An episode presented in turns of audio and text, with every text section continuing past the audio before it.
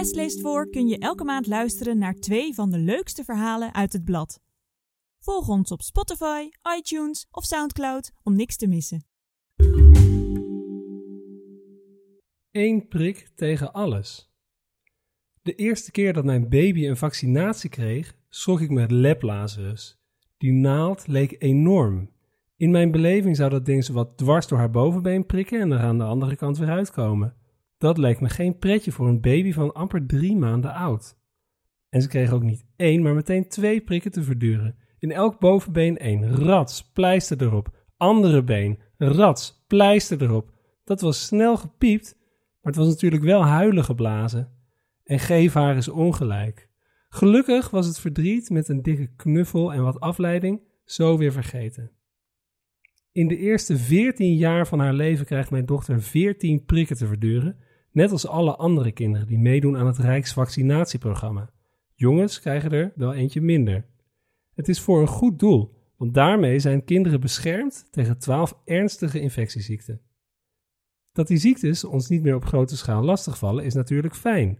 Maar kan al dat geprik niet wat minder? Is het niet mogelijk om een universeel vaccin te maken waarmee je met één shot tegen alle ziektes beschermd bent? Dan is het één keer even doorbijten, maar dan ben je er daarna in elk geval voor de rest van je leven vanaf. Vaccins zijn een prachtige uitvinding. Ze voorkomen dat je ziek wordt van allerlei ziekteverwekkers, zoals bacteriën en virussen die het op je hebben voorzien. Dat doet een vaccin door je immuunsysteem aanvalsklaar te maken. Je immuunsysteem is het afweermechanisme van je lijf tegen ziekte. De eerste verdedigingslinie is je aspecifieke of aangeboren afweer. De cellen daarvan speuren voortdurend je lichaam af naar lichaamsvreemde stoffen. Cecile van Els, hoogleraar vaccinologie aan de Universiteit Utrecht en het RIVM, legt uit. Die cellen hebben een soort voelhoorntjes of receptoren die aan de structuren op het oppervlak van cellen en stoffen kunnen voelen of iets onderdeel van jouw lijf is of een indringer, zegt ze. Zodra ze iets lichaamsvreemds opmerken, slaan ze alarm.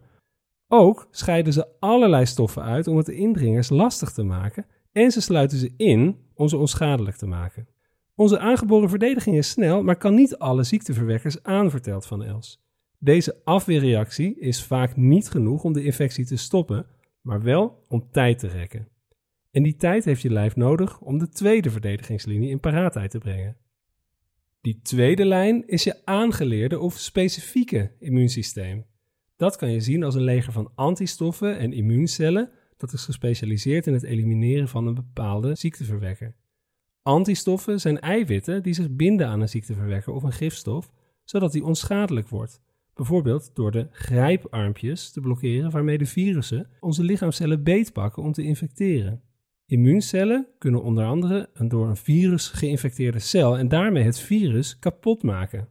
Bij elke infectie worden andere antistoffen aangemaakt en krijgen de specifieke immuuncellen andere instructies over hoe ze de aanval in moeten zetten. Vaccinoloog Van Els. Voor het bestrijden van een meningokokkenbacterie worden dus heel andere soldaten opgeleid dan voor het aanvallen van een coronavirus. Jammer alleen dat op het moment dat een ziekmaker je lichaam voor de eerste keer binnendringt, dat leger nog niet klaar staat. De benodigde afweercellen en antistoffen moeten eerst nog worden opgetrommeld en geïnstrueerd. Dat kost tijd.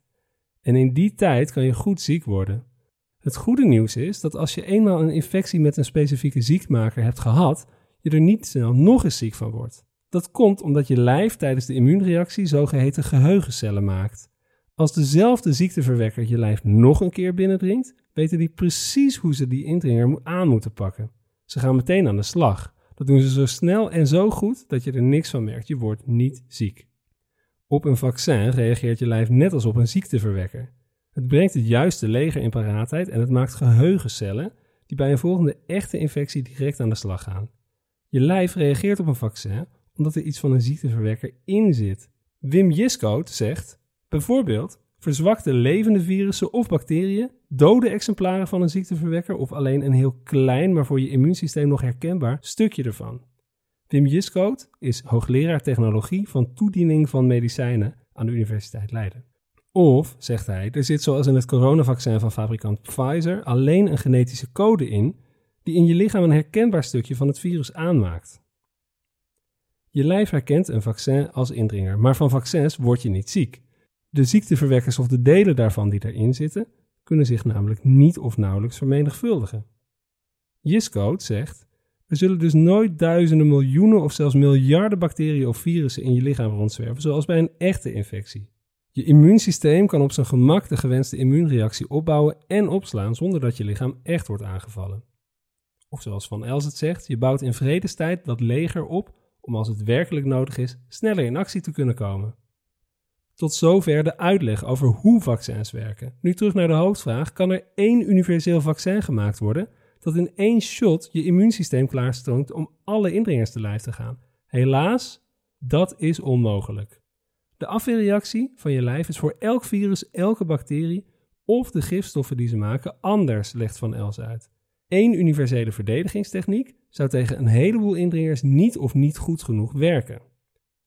Maar kun je dan niet alle bestaande vaccins bij elkaar in één spuit stoppen, zodat alle gewenste immuunreacties plaatsvinden? Ook dat wordt behoorlijk lastig, zo niet onmogelijk, denken Van Els en Jiscoot. Als je vaccins bij elkaar gooit, kunnen ze elkaars immuunrespons beïnvloeden, zowel positief als negatief, legt Jiscoot uit. Ook de hulpmiddelen in vaccins kunnen roet in het eten gooien. Dat zijn bijvoorbeeld stoffen om een vaccin stabiel en daarmee langer houdbaar te maken. Jiscoot zegt: die hulpstoffen en hun verhoudingen zijn voor elk vaccin specifiek. Die kunnen heel goed werken voor het ene vaccin, maar desastreus zijn voor het andere. En dan heb je nog een dilemma, zegt Jiscoot. Sommige vaccins werken minder goed als je ze aan heel jonge kinderen geeft. Als je ze dus allemaal in één vroege prik stopt, ben je tegen sommige ziekten misschien toch niet zo goed beschermd. De cocktail een paar maanden later geven is ook geen optie, zegt Jiscoot. Tot die tijd lopen kinderen dan een onnodig infectierisico. Overigens bestaan er gelukkig wel combinatievaccins. Zo is de eerste prik die baby's krijgen een vaccinatie tegen zes ziektes: difterie, kinkhoest, tetanus, polio, HIB-ziekte en hepatitis B. Dat deze combinatievaccins bestaan is hartstikke knap, vinden Jiscoot en Van Els. Dat zijn vaak vaccins tegen ziekmakers waarvoor eenzelfde soort aanvalstechniek nodig is, zegt Van Els. Maar hoe meer uiteenlopende vaccins je in één spuit wil stoppen, hoe lastiger het wordt om ze allemaal effectief en veilig te houden. Het is überhaupt de vraag of je lichaam wel de goede immuunreacties tegen twintig of meer verschillende ziektes tegelijk kan leveren. Van Els zegt: Je lichaam kan in principe veel aan. Er is een bijna ongelimiteerd basisleger aan specifieke immuuncellen voorradig.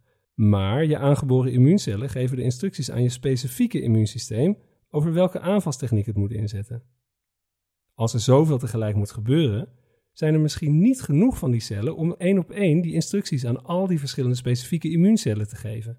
Je krijgt dan waarschijnlijk wat halfslachtige immuunreacties of minder verschillende dan je nodig hebt. Van Els zegt: Ik denk dat je afweersysteem zo'n vaccincocktail dan vertaalt in een middelmaat voor alle immuunreacties. Dan mis je dus die slagkracht die je eigenlijk tegen al die ziekteverwekkers wil hebben. Hoe meer vaccins in één spuit zitten, hoe duurder die ook wordt. Telkens als je een nieuw vaccin toevoegt aan een cocktail, zijn grote medische onderzoeken nodig om te kijken of alle componenten nog wel werkzaam en veilig zijn. Klinische studies zijn heel erg duur. Het is makkelijker en goedkoper om een los vaccin op de markt te brengen. En er zit nog een kostbaar risico aan het ultieme combinatievaccin. Jiscode zegt: sommige virussen muteren heel snel. Denk aan griep, waar je elk jaar opnieuw voor moet worden ingeënt. Als dan een van de componenten niet meer werkt, moet je het hele vaccin opnieuw maken en al die tests opnieuw doorlopen. Ook dat is nogal kostbaar. Alle vaccins in één spuit stoppen gaat dus voorlopig niet gebeuren. Gelukkig wordt op een andere manier hard gewerkt aan het verminderen van het aantal prikken. Bijvoorbeeld door vaccins te maken die je kunt inslikken of die je moet opplakken als een pleister of innemen via een neusspray. Daar bestaan er al een paar van. Van Els zegt dat werkt misschien nog wel beter ook. Tegen sommige ziekmakers wil je graag lokale immuniteit. Met een neussprayvaccin leert je immuunleger ook waar de ziekmaker je lijf binnendringt. Dan kan het daar klaar liggen en afwachten of er iets binnenkomt. Helaas zijn deze vaccins nog in ontwikkeling en zitten ze nog niet in het Rijksvaccinatieprogramma. Voor mijn dochter en alle andere kinderen zit er niks anders op dan al die prikken te trotseren.